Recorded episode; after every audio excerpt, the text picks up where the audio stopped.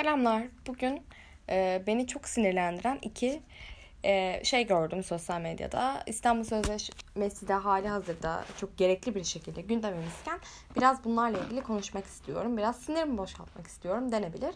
E, de sizin de renk geldiğinizde sosyal medyada e, eminim hayli e, izlenilen ve üzerine konuşulan videolar oldular.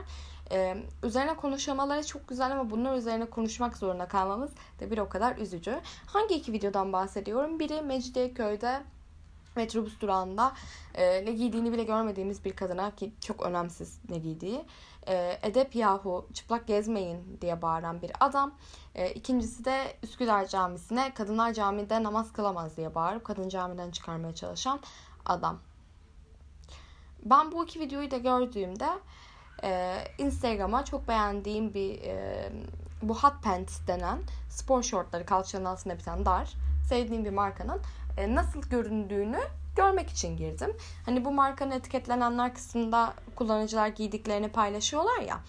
O kısma baktım ve çok beğendim. Hani gayet e, kadınlar böyle onu Maçka Parkı'nda giymişler. işte spor yaparken, yoga yaparken giymişler. Tatil köylerinde giymişler. Teknede inamuda kalkarak giymişler. Modada arkadaşlarıyla içerken giymişler falan. Yani gayet İstanbul'da da Türkiye'nin başka semtinde de giyilmiş. Sonra ana sayfama döndüm. Ve peş peşe iki story'de bu iki videoyu gördüm. E, ve gerçekten e, biraz afalladım. Çünkü Türkiye nasıl bir şehir, Türkiye nasıl Ardından ana sayfama döndüm ve e, peş peşe iki story gördüm ve biraz afalladım. Çünkü şu soruyu sordum kendime. Türkiye nasıl bir ülke ve İstanbul nasıl bir şehir? Yani kadınların spor şortlarıyla e, Maçka Parkı'nda yoga yapabildikleri ve e, atıyorum erkek arkadaşlarıyla içebildikleri bir şehir mi yoksa kapalı kadınların camiye bile giremedikleri ve e, İstanbul'un Mecidiyeköy gibi üstelik gayet kalabalık ve e, büyük de bir semtinde istediklerini giyemedikleri, toplu taşıma kullanamadıkları bir şehir mi? Cevap ikisi de. Çünkü e, bu kadın hakları mevzusunun özellikle Türkiye'de e, son yıllarda e, çok ciddi bir sorun haline gelen sınıf farkını biraz daha vurgulayan bir soruna dönüştüğünü düşünüyorum. Çünkü sınıf farkı dediğimiz şey e, çok net artık Hindistan'daki gibi böyle işte işçi sınıfı, e, Brahmanlar din adamları falan şeklinde e, kat kat net birbirinden sınırlı şekilde ayrılmıyorlar. E, sınıflar var ve sınıfların içinde de yine bir iktidar var ve e, her iktidar kendinde daha düşüğünü barındırdığı için bu sınıf farkları arasında kadınlar her zaman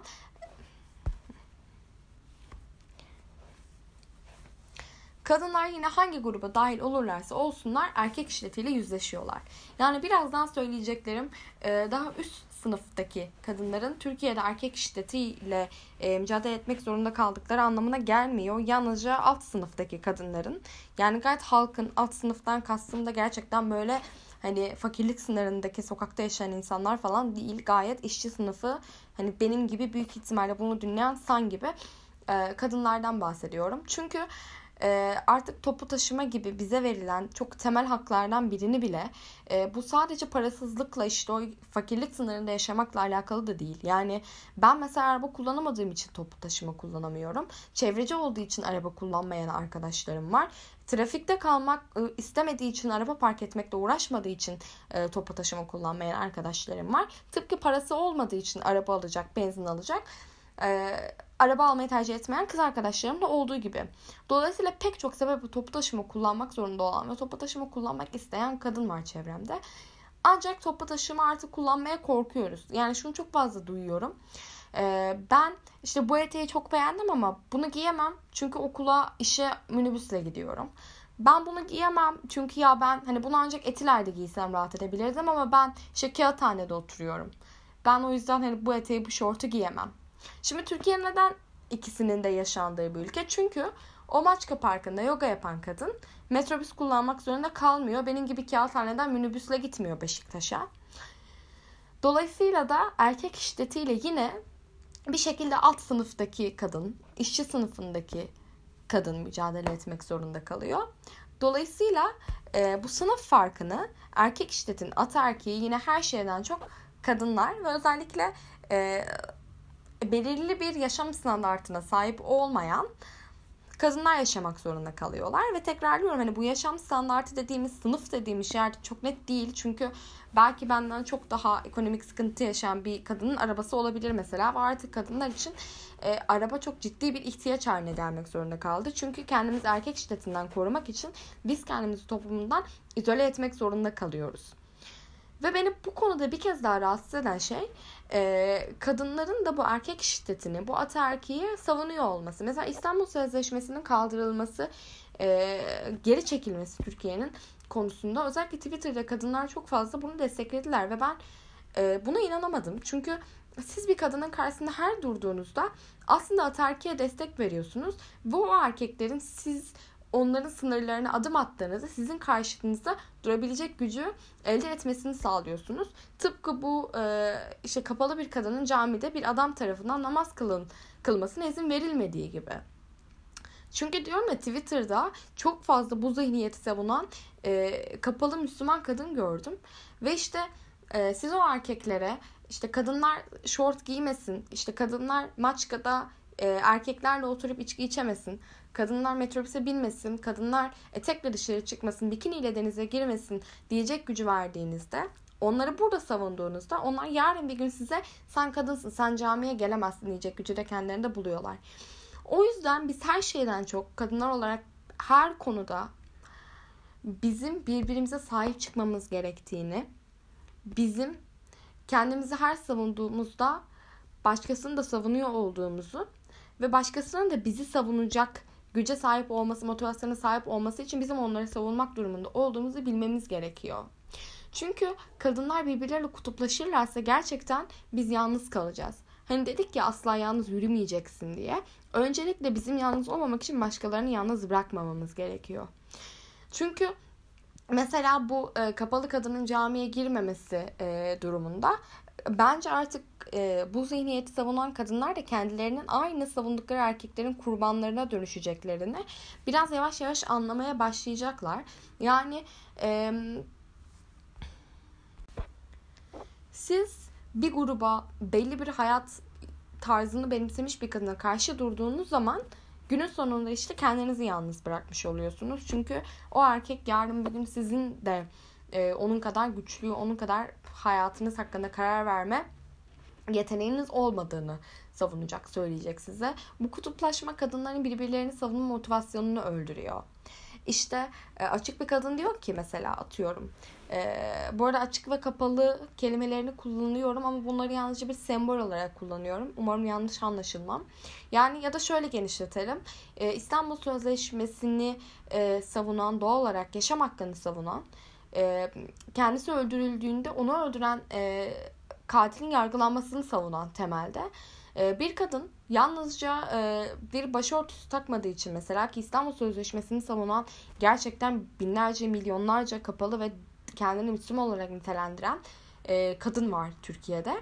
Hani dediğim gibi bir sembol olarak kullanıyorum. Çok hassas konular yanlış anlaşılmak istemiyorum ama atıyorum işte dine aykırı olduğu savunularak ben bu katili yargılamam diyorsa bir kadın işte Twitter'da sonra ertesi gün kadın diyor ki bir kapalı kadına hakaret edildiğinde işte sen beni savunmamıştın ben seni niye savunuyorum ki hak ettin diyor.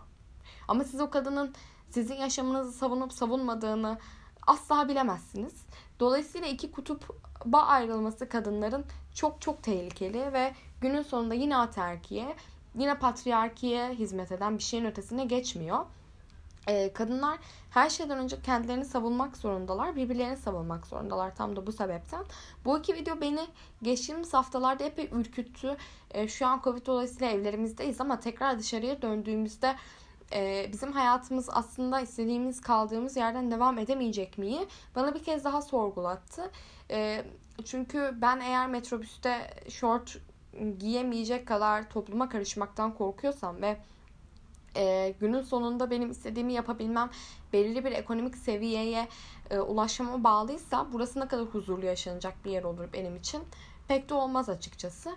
Birbirimizi savunmamız gerektiğini bir kez daha anladım ve e, ben herkese her inanışı savunacak motivasyon neden sahibim. Hayatımda her türlü inançtan, her türlü inançsızlıktan e, bir sürü güzel kadını çevreme topladığım için. Umarım burada da böyle güzel kadınlarla tanışırım. Tek temennim bu. Çünkü bu motivasyona gerçekten ihtiyacım var. E, çünkü ben de sıklıkla e, işte e, bu İstanbul Sözleşmesi'nin e, Twitter'daki hashtag ile birlikte okudum ki e, benim ölmemi isteyen, e, ben ölsem üzülmeyecek, ben cinayette e, cinayete kurban gitsem ki kurban kelimesini kendime hiç yakıştırmıyorum çünkü gerçekten çok çok hayat dolu bir kadınım ben çok yaşamayı seven çok neşeli çok keşfetme arzusuyla dolu bir insanım. O yüzden kendime kurban kelimesini yakıştırmıyorum ama erkek şiddeti benim yaşamımı sonlandırırsa eğer e, bundan zevk alacak kadınlar olduğunu okudum. E, ama ben hiçbir kadının e, ne erkek şiddeti yüzünden istediğini giyememesini ne topu taşımaya binerken korkmasını ne istediği gibi bir camiye, bir sinagoga, bir e, kiliseye girememesini istiyorum. Bu beni hiçbir zaman o kadın ne düşünürse düşünsün mutlu etmeyecek. E, bir kez daha beni dinleyen herhangi biri varsa kendinizi savunmak için e, başka kadınları da savunmanız gerektiğini çünkü ancak yalnız yürümediğimizde sesimizin gerçekten yüksek şekilde çıkabileceğini ama tek başınıza da sesinizi yüksek tutabilmenin her şeyden önemli olduğunu hatırlatmak istedim. Hem sana hem kendime. O yüzden kız kardeşim güçlü olmanın tam zamanı. Yaşamak istediğimizi söylemenin, istediğimiz gibi yaşayacağımızı söylemenin tam zamanı. Hoşçakal.